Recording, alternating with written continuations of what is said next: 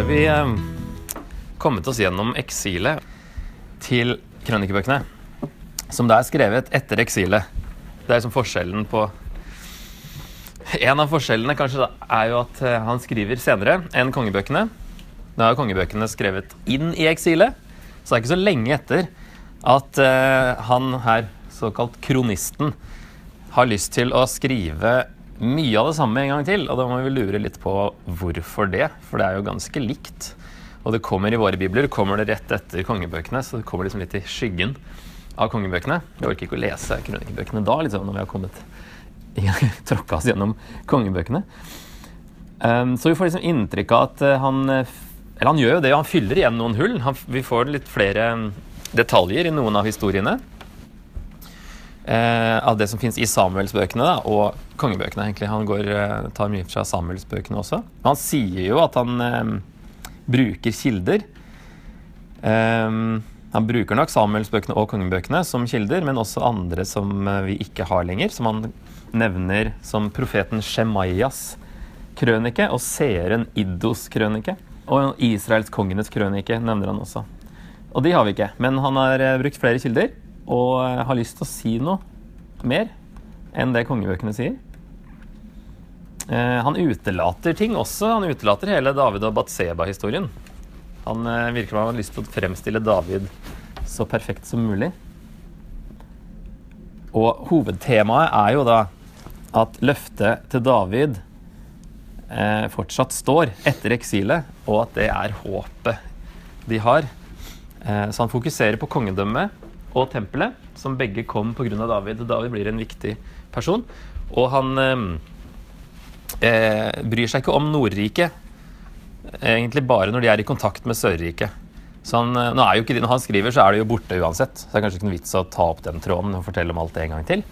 For han var på andre sida av eksilet, og de ble jo tatt i, på 700-tallet. Og nå er vi på rundt 400, kanskje.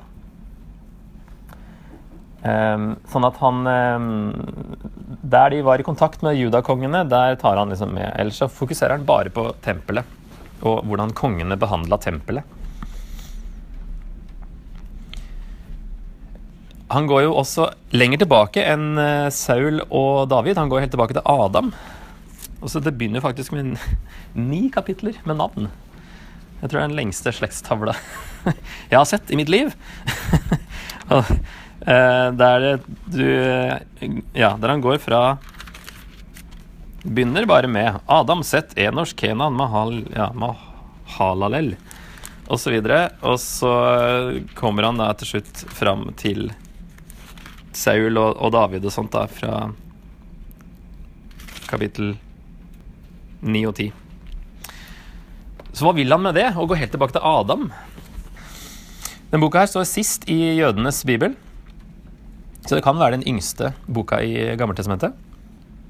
Så han, eh, når han skriver, så er de jo akkurat kommet tilbake fra eksilet, og det er en kritisk fase der eh, de er veldig få, og de har holdt på å miste identiteten sin.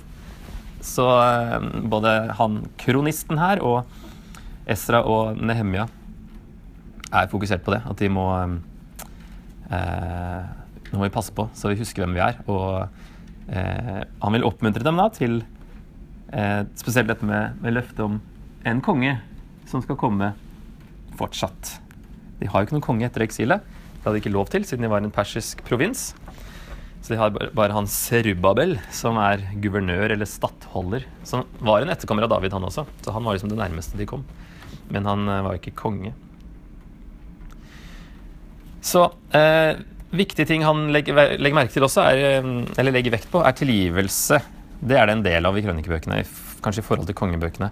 Eh, F.eks. Manasseh, som fremstilles som den verste kongen, en av de aller verste kongene i eh, kongebøkene.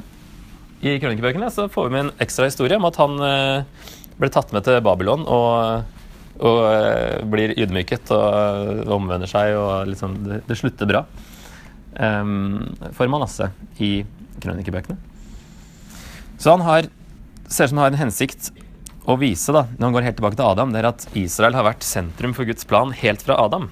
Når han trekker liksom hele deres historie fra Adam og fram til eksilet og moderne tid da, for han forfatteren, eh, så er det det at helt fra Adam så har det her vært det Gud har jobba med. og at undergangen kom fordi folket forlot Herren, det er et uttrykk som brukes mye, og at noe lignende kan unngås ved at de søker Herren. Og da er det først og fremst gjennom tempelet som det er der de kan søke Herren. Derfor er han opptatt av tempelet. Og det at de har tempelet, og får bygd det opp igjen nå etter eksilet, det tyder på at Guds løfte til David fortsatt gjelder. Eh, noen sånn typisk forskjeller fra Samuel og kongebøkene til krønikebøkene, det er f.eks. der han tar eh, dette her fra løftet til eh, David om at Messias skal komme fra hans slekt. Så sier Gud da i Sam eh, Samuelsbøkene Ditt hus og ditt kongedømme skal stå fast til evig tid for mitt ansikt, og din trone skal stå støtt til evig tid. I krønikebøkene så er parallellen Jeg vil for alltid sette ham over mitt hus og mitt rike, og hans trone skal stå støtt til evig tid. Så forskjellen her er at han fremstiller tydeligere at det er Gud som er den egentlige kongen. Og den jordiske kongen representerer Gud og Guds rike og Guds trone. For å få det perspektivet der ordentlig på plass. Det som Saul ikke hadde skjønt. Som eh, David skjønte, men som veldig andre få konger skjønte. Så det er noe han vil understreke ordentlig.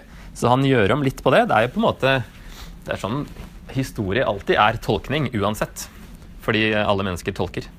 Ingen er helt objektiv når de skal skrive historie heller. De må plukke ut, og du må av og til tolke det du leser.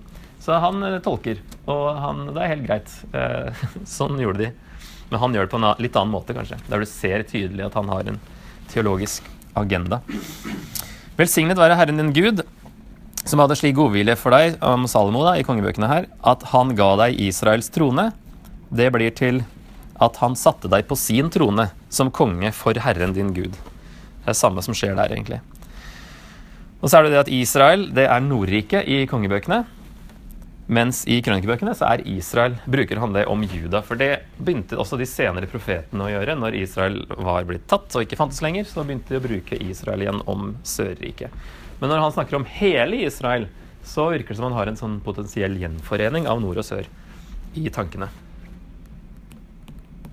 Han legger også større vekt på velsignelsene som kom av at folk var lydige, enn uh, ulykkene som skjedde hvis de var ulydige.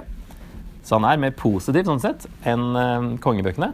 Nå er jo tradisjonen at det er Esra som skriver, fordi siste, kapittel, siste avsnittet i krønikebøkene er uh, nesten identisk med første avsnitt i Esra. og du tenker kanskje det var samme forfatter, i hvert fall de to bøkene, og at det kan ha vært Esra. og derfor, Esra var en prest, derfor fokuserer han veldig på tempelet og hvordan kongene behandla tempelet. Mens tradisjonen, jødiske tradisjonen er at Jeremia skrev kongebøkene. og Han var en profet, og han er mer negativ fordi folket aldri hørte på profetene. Så der har du litt mer negativt. Glasset er halvtomt i kongebøkene og halvfullt i krønikebøkene. Så de har eh, litt mer positivt her, da. Jesus i krønikebøkene. Eh, det er jo det, det underliggende håpet om en ny davidskonge. da. Det ligger der fortsatt. Eh, den neste kongen som kommer i historien, det er jo Jesus. Det er jo ikke noe konge da fra før eksilet til Jesus kommer. Eh, også dette håpet om at hele Israel skal gjenforenes, det kan òg være som i profetbøkene, som vi i hvert fall så litt i Hosea og Amos, at det er en messiansk oppfyllelse som kanskje ligger bak der også. Om at hele Guds folk skulle forenes igjen, og at Nordriket hadde da på den tida blitt nærmest til hedninger. Sånn at når hedningene kommer inn, så oppfylles det.